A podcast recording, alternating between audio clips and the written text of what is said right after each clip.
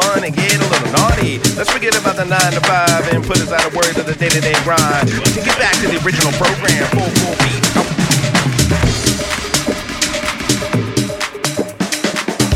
Go on, boy, let me see you get down. Let me see you break it down for the girls down south now.